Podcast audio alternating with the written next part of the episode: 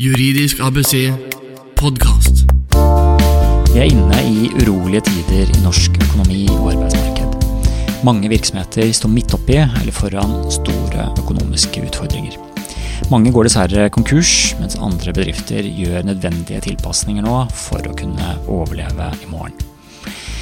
Velkommen til en ny episode av Juridisk ABC podkast. Hvis du er ny lytter til denne podkasten, så vil jeg bare kort presentere meg selv helt innledningsvis. Jeg heter Eivind Arntzen og er advokat og partner i Daland advokatfirma i Oslo. Jeg er også programleder for denne podkasten der vi tar opp viktige og praktiske juridiske temaer innenfor sentrale fagområder. I hver episode får vi besøk av en erfaren advokat eller jurist som forklarer oss reglene, med fokus på å gjøre det som ofte er vanskelig juss, mer praktisk tilgjengelig.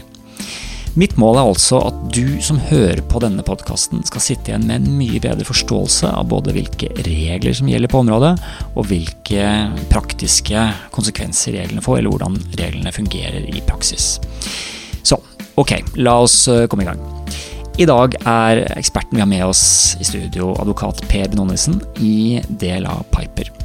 Jeg har møtt Per i flere saker de siste årene, og Per er en advokat som jeg respekterer, både for hans eh, grundige faglige kunnskaper, hans engasjement for sakene sine, hans eh, kvikke hode og hans evne til både å være streng advokat og en eh, ålreit, sympatisk person samtidig. Altså, per er rett og slett en veldig bra kar, eh, som jeg eh, setter stor pris på å ha blitt kjent med, og eh, jeg håper du vil tenke det samme. Ikke minst så håper jeg at du vil lære mye av denne veldig praktiske og aktuelle podkasten vi har i dag, som altså dreier seg om nedbemanning.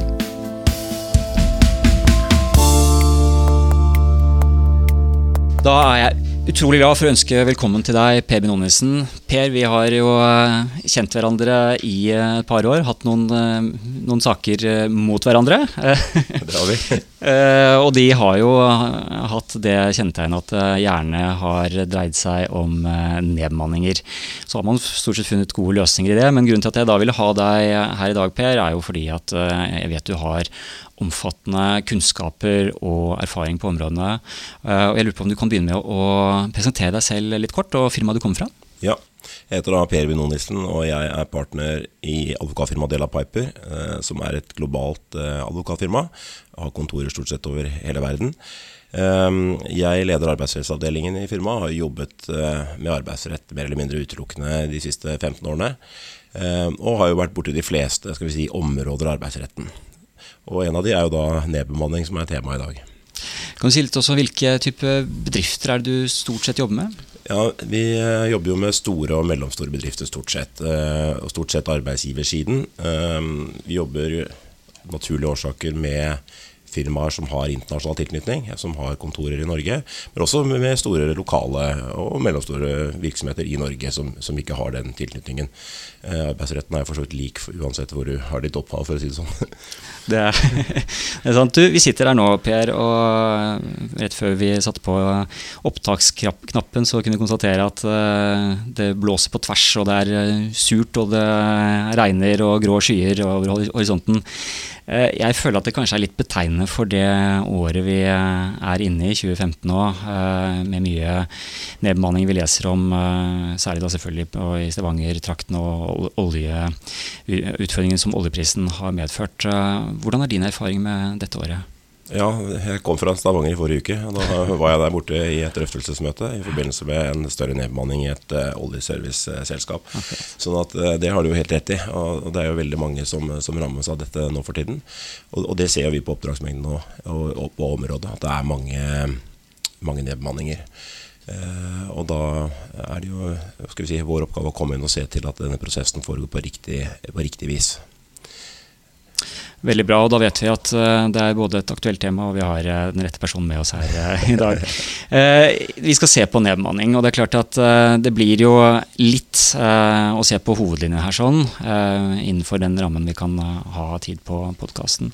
Men la oss begynne med utgangspunktet. Når er det det er aktuelt for en virksomhet å gå til nedbemanning? Er det noen spesielle vilkår som må oppfylles? Er det slik at eh, det må være en eh, økonomisk krise, eller kan du si litt om utgangspunktene for de nedbemanningsprosessene som du er inne i? Ja, du kan si at akkurat nå for tiden så er det nok eh, skal vi si, økonomiske problemer og, og rett og slett eh, for lite arbeid for mange som gjør at man må nedbemanne. Men det er jo ikke bare i de tilfellene man kan, kan nedbemanne. Man kan også gjøre det for å effektivisere driften. Og eh, Det var jo en dom, altså den såkalte Brynildsen-dommen, så sier domstolen noe om det. Den sier at det er både en rett og en plikt for ledelsen i en industribedrift å tilpasse kostnadene, også lønnskostnadene, til den virksomheten som, som gjelder til enhver tid. Og øh, Det kan skje ved permitteringer hvis det er midlertidig, og det kan skje ved nedbemanning og oppsigelser hvis det er det som, øh, hvis det er av mer permanent karakter. Så, så, det er ikke bare når det er røde tall man kan nedbemanne. Det kan være innføring av ny teknologi, det kan være effektivisering av prosesser som gjør at man får overtallet. Det kan også være at man i noen tilfeller omorganiserer slik at man trenger annen kompetanse. Og da kan man faktisk nedbemanne og oppbemanne på samme tid. Altså man, man skal vi si, lar én type kompetanse gå og henter inn en ny. Mm. F.eks. innenfor eh, hvis du går til mediebransjen og ser på i reklamebransjen, så hadde man en periode et skift mellom det som var tradisjonell markedsføring, altså print og, og tekst, også mot, mot, det digitale, som krevde en helt annen type eh, skal vi si, teknologisk innsikt da, for å kunne, kunne, gjøre jobben. Og da var, altså firmaene nødt til å, å si opp eh, en, en, type tradisjonelle markedsfører og ansette eh, med folk med spisskompetanse. Og Det er ikke alltid en, det er en pedagogisk oppgave å, å forklare folk hvorfor det skjer. Og da tenker jeg Du peker på noe veldig viktig i forhold til uh, arbeidsgiver og, og virksomheten. Uh, man har altså da, som du sier, både en rett og en plikt til å tilpasse kostnadene.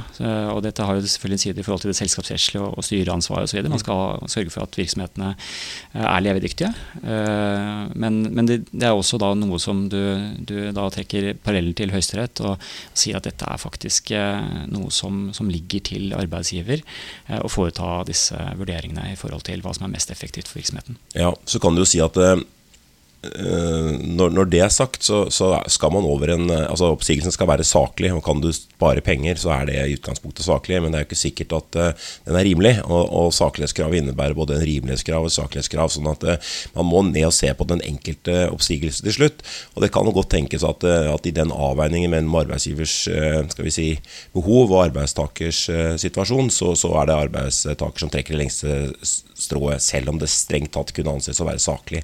Rett og slett fordi det ikke fremstår som rimelig. Det kan være situasjoner med eldre arbeidstakere som står nær pensjonsalder, som har vært i bedriften i veldig lang tid, og, og som, som, har veldig liten sjanse for å finne seg noe annet arbeid.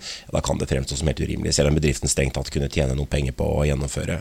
Så man må gjøre den sjekken må du ta til slutt uansett. Mm. Uh, og det er, det er, som jeg sier noen ganger, at det er lettere å si opp mange enn å si opp få. Uh, nettopp fordi at uh, behovet er tydeligere når det er flere som må gå. Mm. Da er ikke egentlig, det er veldig sjelden man diskuterer om det er grunnlag for oppsigelse. Da er det mer utvelgelsen som er tema. Altså, har, man, har man valgt rett? Juridisk ABC podkast. Ok, la oss si at eh, bedriftens ledelse står uh, i en situasjon der de sier at uh, ok, vi må foreta visse grep, og man beslutter å begynne på en omorganisering eller nedmanning. Da finnes det jo ulike regler om hvordan de ansatte eh, skal da dels gis informasjon om disse endringene, eh, og bedriften har en plikt til å drøfte med de ansatte. Kan du si litt nærmere om dette med bedriftens plikt til å informere de ansatte og drøfte med ansattes representanter? Ja, det er jo, altså Informasjons- og drøftingsplikten den, den, eh, finner man flere steder. eller kan finne flere steder. Det er en informasjons- og drøftingsplikt i arbeidsmiljøloven kapittel 8 for virksomheter som har mer enn 50 ansatte.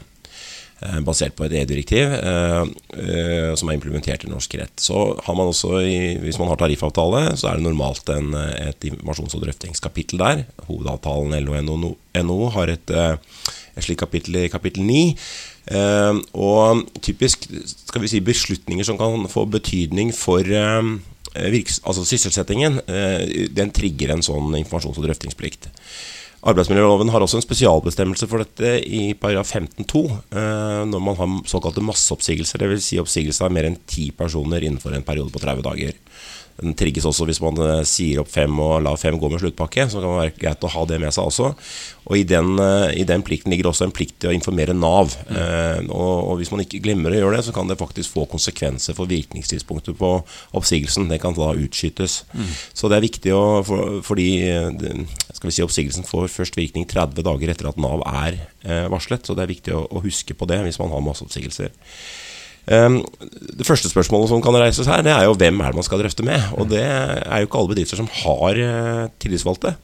Noen har det. De har, de har, fagforeninger eh, som har valgte tillitsvalgte. Profesjonelle noen til og med, som har, har det som heldagsjobb. Eh, mens andre virksomheter, eh, hvis du spør dem, så har de ikke.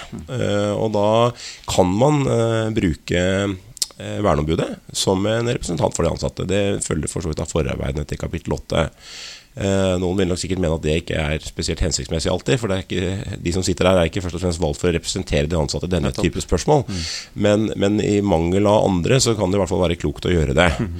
Eh, noen eh, står overfor store omveltninger og finner det naturlig å be de ansatte om mm. å velge representanter i, i anledning den forestående nedbemanning. Da er jo katta ut av sekken, så da har man jo på en, måte, på en eller annen måte ha et informasjonsløp. ja, ja.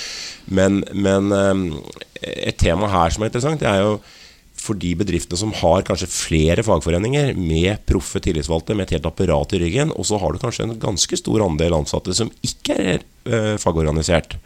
Uh, hvem skal representere de? Mm.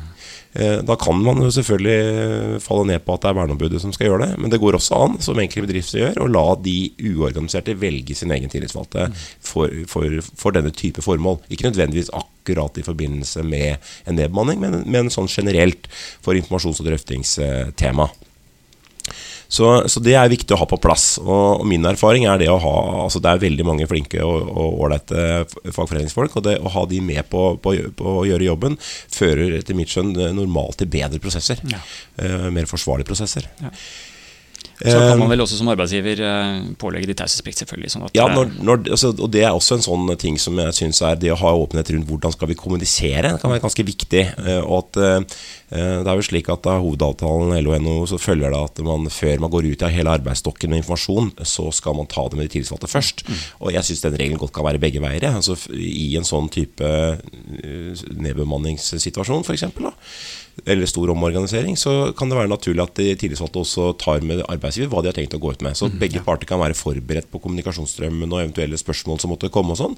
Ja, Dette har vi gjort i enkelte virksomheter. Jeg har vært inne og hatt store nedbemanninger, og da, det har fungert bra. Mm. En gjensidighet i det. Uh, det er jo ikke alltid man er enig i alt, uh, men, men uh, man kan i hvert fall være enig om etterpå at prosessen har vært bra. Mm. Det, det, er et godt utgangspunkt. At man, at, man, har det for øye.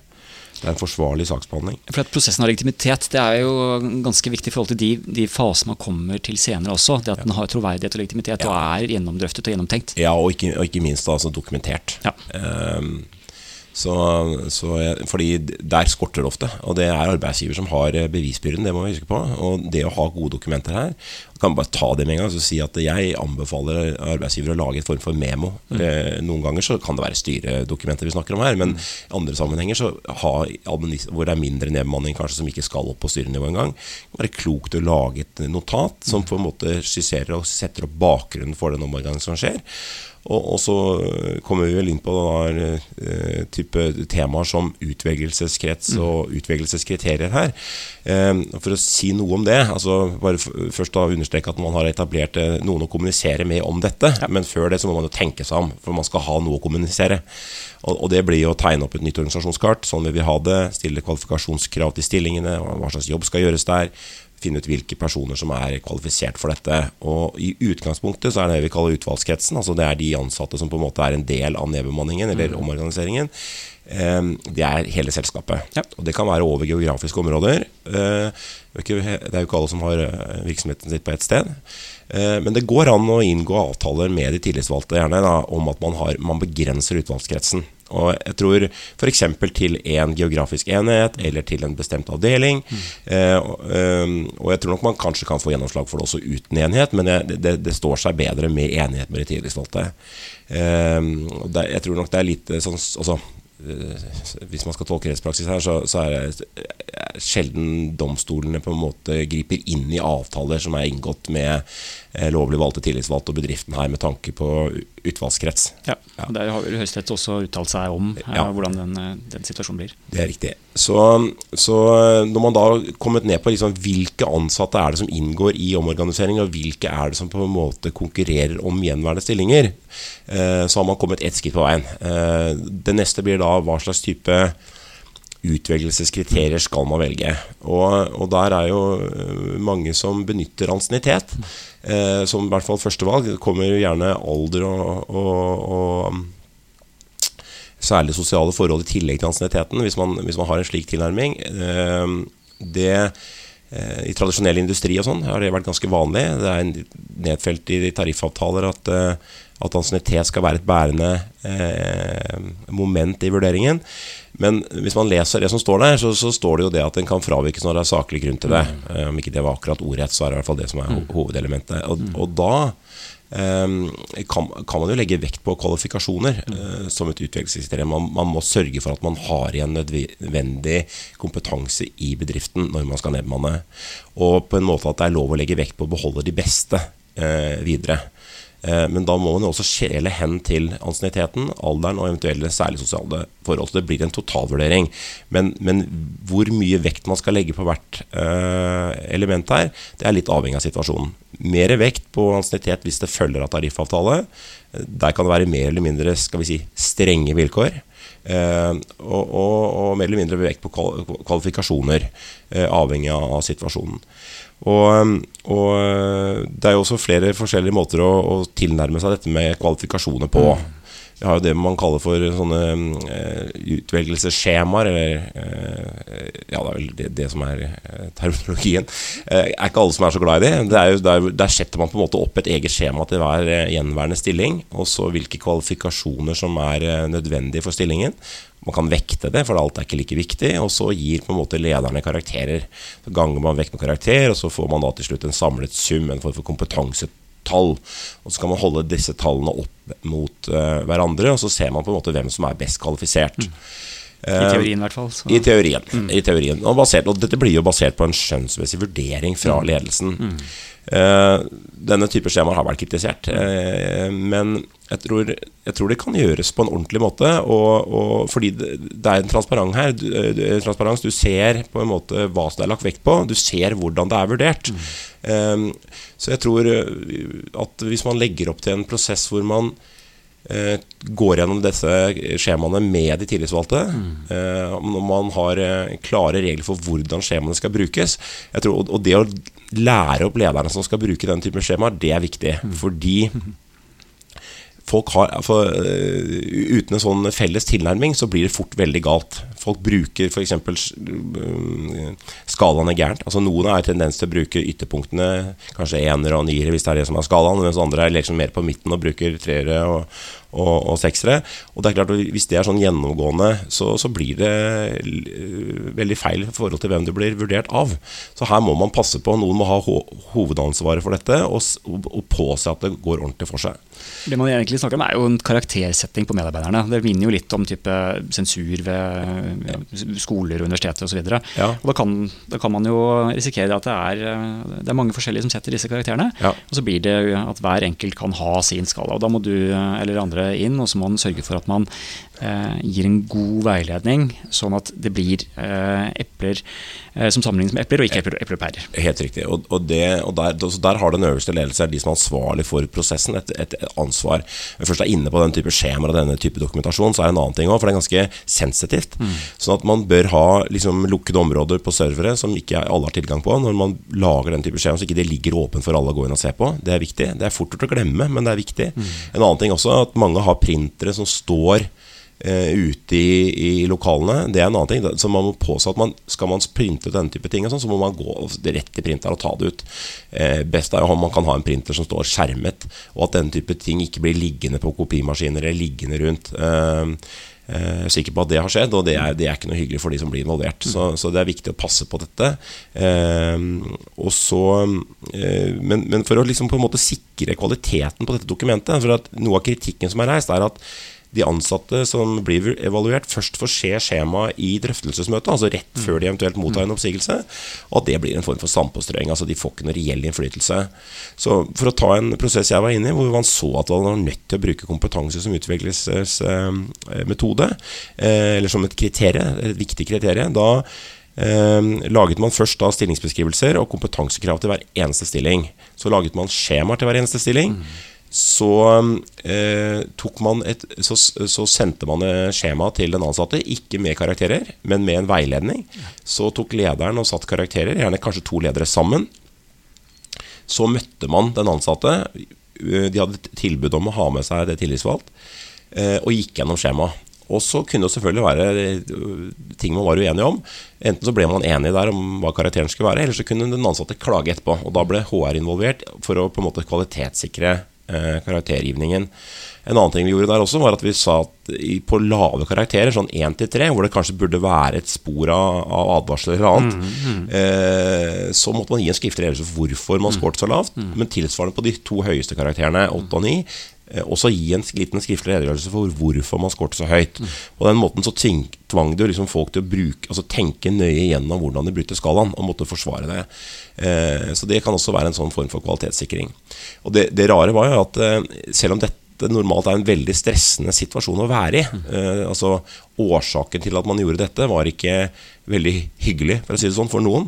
Så var det flere ansatte som sa at dette er faktisk den beste medarbeidersamtalen jeg har hatt. Fordi jeg aldri fått så tydelig beskjed om hva som er viktig, og hvordan jeg på en måte ligger an på de forskjellige områdene. Altså her er identifisert man jo også eh, rom for forbedring på sentrale ting, og hva som var bra osv. Så, videre. så det eh, var nok kanskje, kanskje, de som skårte best, som, som, som, ga uttrykk for dette. Men like, li, men like fullt eh, eh, kan jo også skape grunnlaget for, for, at man ikke bare nødvendigvis putter de der i, i, i skuffen etterpå, men, men bruker de litt aktivt når man først har gjort den kartleggingsjobben. Og det var, eh, det var eh, denne spesielle saken som jeg tenker på nå, så var det ganske mye kritikk i, av flere i media om dette her. Um, og, men en av de tingene som, som, man kan ha en viss sympati for, den kritikken som kom, da, det var at det, det, i denne spesielle bedriften så var det ikke noe hva skal jeg si, kutyme, eller det var ikke noe um, historie med denne type evalueringer. Og at det kom litt sånn uh, julekvelden på kjerringa. Litt, uh, litt, sjokkerende å skulle bli mm. vurdert på den måten. Mens man i andre bransjer, altså konsulentbransjen og sånn, er veldig vant til den type mm. tilnærming mm. og karaktersetting og skjemaer og sånn. Så, så, så, det, kan jo selvfølgelig være noe der. Uh, at, at, det er lettere å bruke denne tilnærmingen i bedrifter som har en kultur for det. Altså type evaluering av denne sorten. Um, når det er gjort, da, så, så, så, har man jo på en måte fått eh, orden på kvalifikasjonene eller, eller kompetansen. da, eh, Presentivt en riktig liste. Mm. Eh, og så blir det neste vurdering. Det er jo da eh, kommer ansienniteten, alder, særlig sosiale forhold i tillegg, og kan på en måte stokke om på, på den eh, listen som er basert på, på kvalifikasjoner. Og det er klart at det er jo spørsmålet hva er høy alder? Når skal man begynne å legge vekt på det? Er det 55 pluss? Nå som vi har flytta på aldersgrensen til 72, Nettopp. er det 60? Eh, hva, med, hva er lang ansiennitet? Er det 10 år pluss? Er det 15 år pluss? Mm. Det er ikke så lett å svare veldig ek eksakt på dette. Mm. Eh, ser man i teorien, så er det litt forskjellig som står der. Mm. Eh, jeg tror nok at eh, si, vil nok bli flytta litt på her. Eh, ja. Det tror jeg. Eh, vi snakker, eller har liksom diskutert eh, aldersgrense på 75. Altså, det er noe med at Jeg tror nok at 60 pluss kanskje blir det som blir litt sånn Hvor dette begynner å telle særskilt fremover. og ansiennitet må nok over 10, 10, opp mot 15 kanskje, før det begynner å få nødvendigvis utslagsgivende effekt som lang, særlig lang ansiennitet. Mm. Høyesterett har vel også sagt at forskjeller på tre-fire år eh, ikke er særlig store forskjeller, og åtte til ti år ikke er eh, særlig lang. Eh, og det ligger jo litt tilbake i tid. Så, men, men Sier Jakkelen at fra ti år så skal du i hvert fall legge vekt på det. Ja, ja, ikke sant. Så, så vi får, men, men, man skal i hvert fall gjøre en, en form for totalvurdering til slutt. Ja. Og, og Jeg, jeg øh, og gjør man det ordentlig, så det, det er rart mer når du sitter med det. Så, så trer den rimeligheten fram. Altså det, er, det er eh, ikke så lett å snakke om det på generell basis, men når man faktisk sitter med, med de enkelte casene foran seg, så blir det litt lettere. Hvis vi eh, ser på nå, Per, det du har dratt oss gjennom, dette, og dette er veldig bra, dette er veldig praktisk. Eh, men, men du skisserer jo et løp her sånn som er basert på virkelig hva skal jeg si, bedriftsdemokrati i praksis. Du, har, eh, du involverer eh, de ansatte gjennom de tillitsvalgte hele veien. Eh, og det er, du peker på en rekke situasjoner hvor det er lovpålagt, men også ellers så, så kommer du med, med praktiske råd for hvordan det skal gjøres. Man har den dialogen, og man sørger for dokumentasjon, memo, eh, man, man lager skjemaer og definerer nye stillinger og hvilke kriterier som ligger der. Alt blir veldig systematisert, alt blir veldig dokumentert, eh, og det blir etterprøvbart selvfølgelig for en, eh, en domstol. Og, og det du jo gir beskrivelsen på, er en type eh, arbeidsform som har saklighet som en helt sånn eh, naturlig del av DNA-et i hele, hele prosessen, hvis man kan si det. Fordi, Ja. fordi, for, for, når man da ser på et sluttresultat hvor man står og skal begynne å gjennomføre eh, de faktiske oppsigelsene for, for, for, frem til vi Eh, altså, eh, det vi har snakket om frem til nå, er jo før vi egentlig har kommet til den siste mm. vurderingen. Eh, så får du et, et system som, som eh, nettopp ivaretar alle disse hensynene som skal beskytte arbeidstakerne. Ja. Det er i hvert fall, det, og det er hensikten. Og, og vi må huske på at det vi, det vi driver med her, er å ta fra folk levebrød altså, eh, på slutten av dagen. Altså, for å si det sånn, og, og det er alvorlige ting. Det, Det, er en, det er oppleves som en krise for den som rammes. Og da skal vi i hvert fall vite at det er gjort ordentlig. Mm. eh, så, så klart at noen ganger så oppstår det gråsoner her, og det er, og det, og det er vanskelige valg. Eh, og det kan oppleves veldig urettferdig eh, av den enkelte. Jeg tror også da i, I den prosessen så er det viktig å se medmennesker som sitter der på andre siden, og, og, og, og ha, ta høyde for det også. Men samtidig så må man, så må man. Altså, det, det, det, man kan ikke på en måte lage stillinger eller opprettholde stillinger man ikke har bruk for eller ikke har råd til å ha. Eh, og, det, og, da, og da må man ta den type beslutninger. Og det er ikke, det er ikke noe hyggelig. Eh, mange unge ledere som jeg møter, som, som sier til meg at jeg har så vondt i magen for denne prosessen at jeg tror ikke jeg egner meg som leder. Så sier jeg det er veldig bra at du har vondt i magen, eller at du opplever dette her som, som vanskelig. Fordi eh, jeg håper å si da, Hvis du ikke gjør det, så burde du gå til legen. Eh, fordi, fordi, fordi det er tungt ansvar. Det er på en måte baksiden av medaljen med det å være leder, å måtte ta denne type valg. Men det er en plikt, og du skal i hvert fall vite etterpå at du har gjort det ordentlig. Det må liksom være formålet med en god prosess her. Eh, At du kan gjøre det med integritet. Du hører Juridisk ABC podkast. Per, da har vi snakket om eh, prosessen i forhold til diskusjoner og informasjon i forhold til de tillitsvalgte. Eh, vi har vært inne på utvalgskretser, utvalgskriterier, skjemaer etc. Hvordan går man nå frem videre? For nå står man foran altså selve gjennomføringen eh, av eh, oppsigelsesprosessen. Vi har snakket litt om det i en annen podkast uh, hvor vår venn Nicolais Karning eh, også var inne. og Vi snakket om oppsigelse på 1, 2, 3. Men, men kan du dra oss litt gjennom noe av det praktiske som skjer eh, etter dette forarbeidet man har gjort eh, sammen med de tillitsvalgte? Ja. Eh, liksom bare en veldig kort kommentar til akkurat det. Altså det med samarbeid med de tillitsvalgte, så er det jo ikke alltid man er enig. Så det, det går jo an at man At, man, eh, at f.eks. arbeidsgiver sier at vi er nødt til å legge Vi vil gjennomføre med kvalifikasjonsskjemaer og, og sånn. At de ansatte sier eh, representantene sier nei. Det, det vil ikke vi. Og da er de hørt, og man har diskutert det. Men det betyr at, ikke at arbeidsgiver ikke kan beslutte å gjøre det likevel. Så det, så det lar seg gjøre. For man har en informasjons- og drøftingsplikt. Det, skal det må ikke ende ut i en avtale, bare så, så det er sagt. Det, er jo, det vi snakker om er jo også styringsretten. Vi har jo en egen podkast med Jan Fogner Ja. som er mesteren på det. Men, Ja. men, men her er det kapteinen bestemmer, arbeidsgiver bestemmer. At the end of the day så er det det. Og så, og så tilbake til det du sa, hva gjør vi så? Når vi har kommet til, kommet til det punktet at man har på en måte eh, gjort disse vurderingene, og man sitter med en liste over ansatte som eh, som eh, står i fare for å miste jobben, for å si det sånn. Fordi den endelige beslutningen den skal først tas etter at du har hatt drøftelsesmøte. Og så, da, så da innkaller man til et drøftelsesmøte etter arbeidsmiljølovens paragraf 15-1. Og det, der kan arbeidstakeren ha med seg en, eh, en representant for de ansatte, en tillitsvalgt. Eh, om man ønsker det. Kan også velge å stille alene. enkelte tilfeller så stiller de med advokat i det møtet. Jeg stiller meg og syns at det er like greit. For har de tenkt å stille med advokat der, så gjør de det gjerne senere. Så kan du like gjerne liksom starte den prosessen med en gang. Eh, og, så, og da forklarer arbeidsgiver eh, bakgrunnen for at vedkommende sitter der. Eh, og, og lar, øh, liksom, gjør gjør rede for den prosessen. Og så får den ansatte komme med sine synspunkter. Og noen ganger så er det vektige argumenter, kanskje ting arbeidsgiver ikke visste om. Det kan være særlig sosiale forhold man ikke var kjent med osv. som gjør at arbeidsgiver må tenke på nytt. Og kanskje gå tilbake og gjøre vurderingen en gang til. Mm. Um, når det er sagt, så, så er det jo ofte sånn at uh, man har gjort en veldig god jobb før man sitter der. Og det er ikke veldig ofte det blir store utskiftninger etter drøftelsesmøtet. Det er det ikke. Men det er på en måte en sånn rettssikkerhetsgaranti, nærmest, det der, at, at du skal ha det møtet og den konkrete gjennomgangen før du fatter endelig beslutning. Eh, og så eh, er det jo ikke uvanlig at en del arbeidsgivere tilbyr en skal vi si, alternativ til oppsigelse pga. virksomhetens forhold, i form av en sluttpakke. Det kan være at man får fritak for arbeidsplikt i oppsigelsestiden.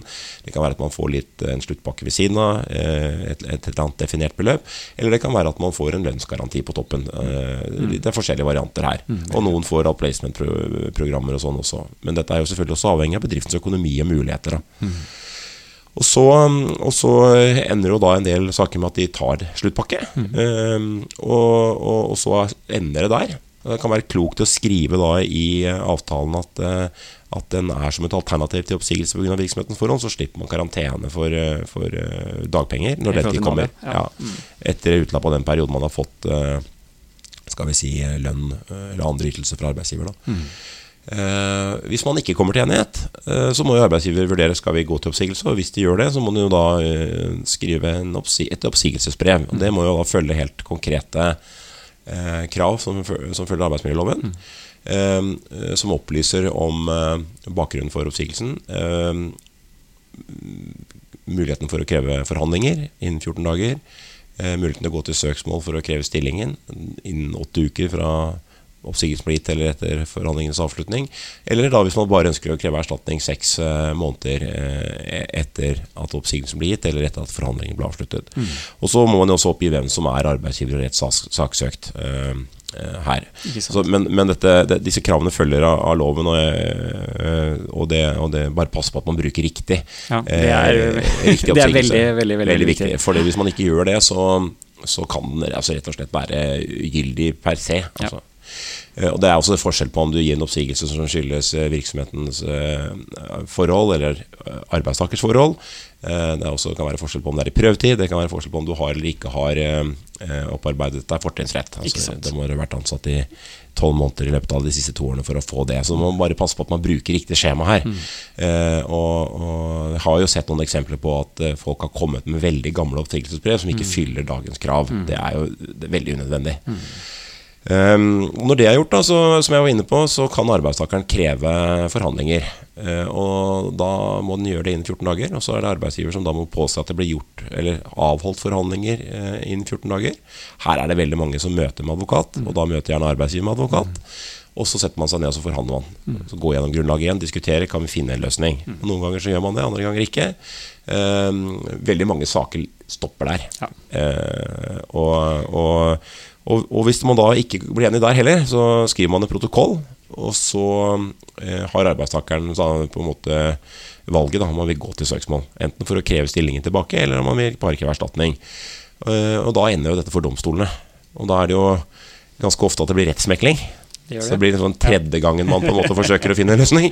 Og, og, og veldig mange saker løses jo der. Ikke sant? Så det er ikke så mange saker som ender opp for domstolene.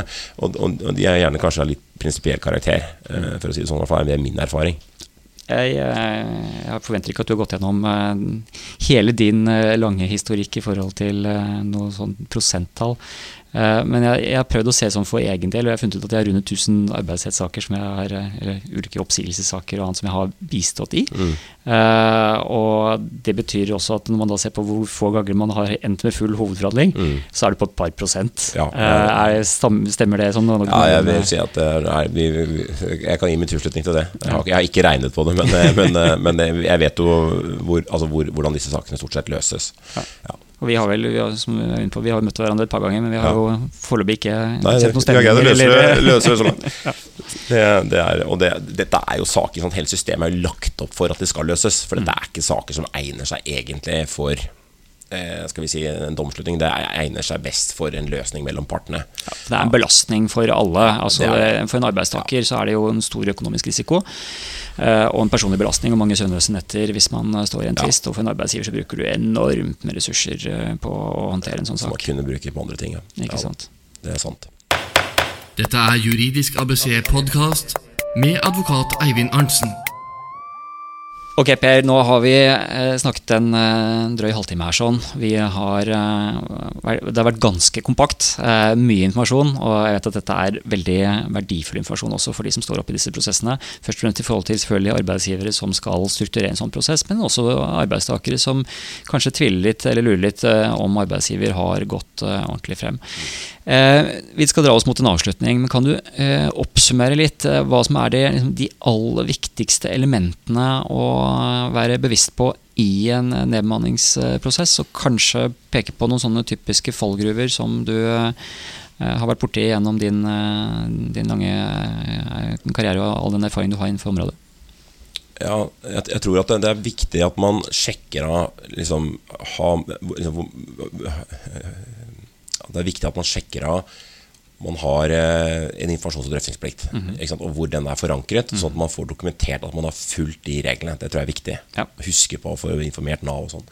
Det er én ting. Det er liksom det at man har det på det tørre, og sørger for å gjennomføre det ordentlig. Og så er det en annen ting som jeg syns jeg ser at det ofte mangler, og det er dokumentasjon. Så folk er ikke så flinke til det. Ta, ta seg tid til det. Det er liksom et godt Ta dere tid til å skrive ordentlige protokoller, lage ordentlige grunnlagsdokumenter, fordi dere er arbeidsgiver som har bevisbyrden. Og da er det så mye enklere når du kan legge fram hva du har gjort, hvordan du har tenkt. og- Altså du, du får fram at du har hatt en forsvarlig prosess. Jeg sier ikke at du ikke kan ha hatt det uten å gjøre det, men du kan bevise at du har gjort det òg. Det, tror jeg- det tror jeg er viktig. Og Jeg satt og hadde en lang runde med en klient nå eh, for et par uker siden som var gjennom en nedbemanning. Og de valgte, ikke, de valgte å bruke kvalifikasjonsskjemaer, men å skrive det jeg vil kalle en form for norsk stil. Altså en bakgrunnsnotat og så en evaluering av de ansatte. Mer liksom en, en skriftlig redegjørelse for valgene. Eh, og, og, og brukte mye tid på å få det ordentlig.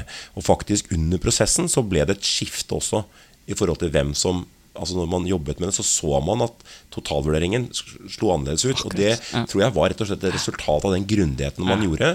Og, så, og, og vi brukte mye tid på dette. Og så sier, så sier jeg til klienten at den, det, det beste med dette dokumentet er hvis det ikke blir brukt.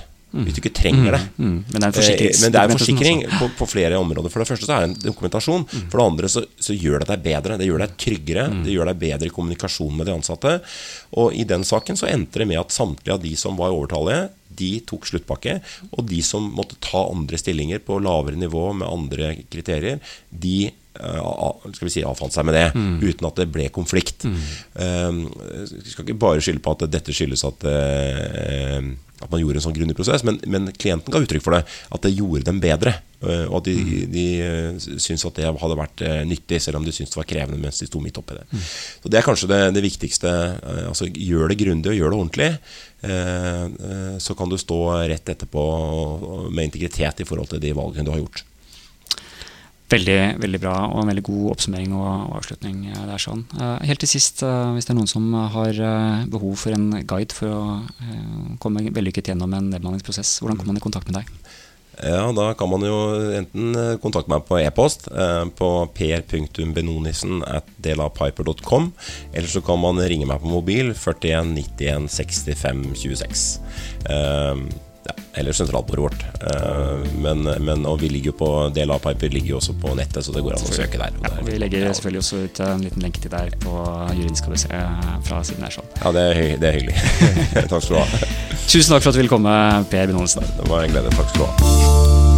Du har hørt Juridisk ABC podkast.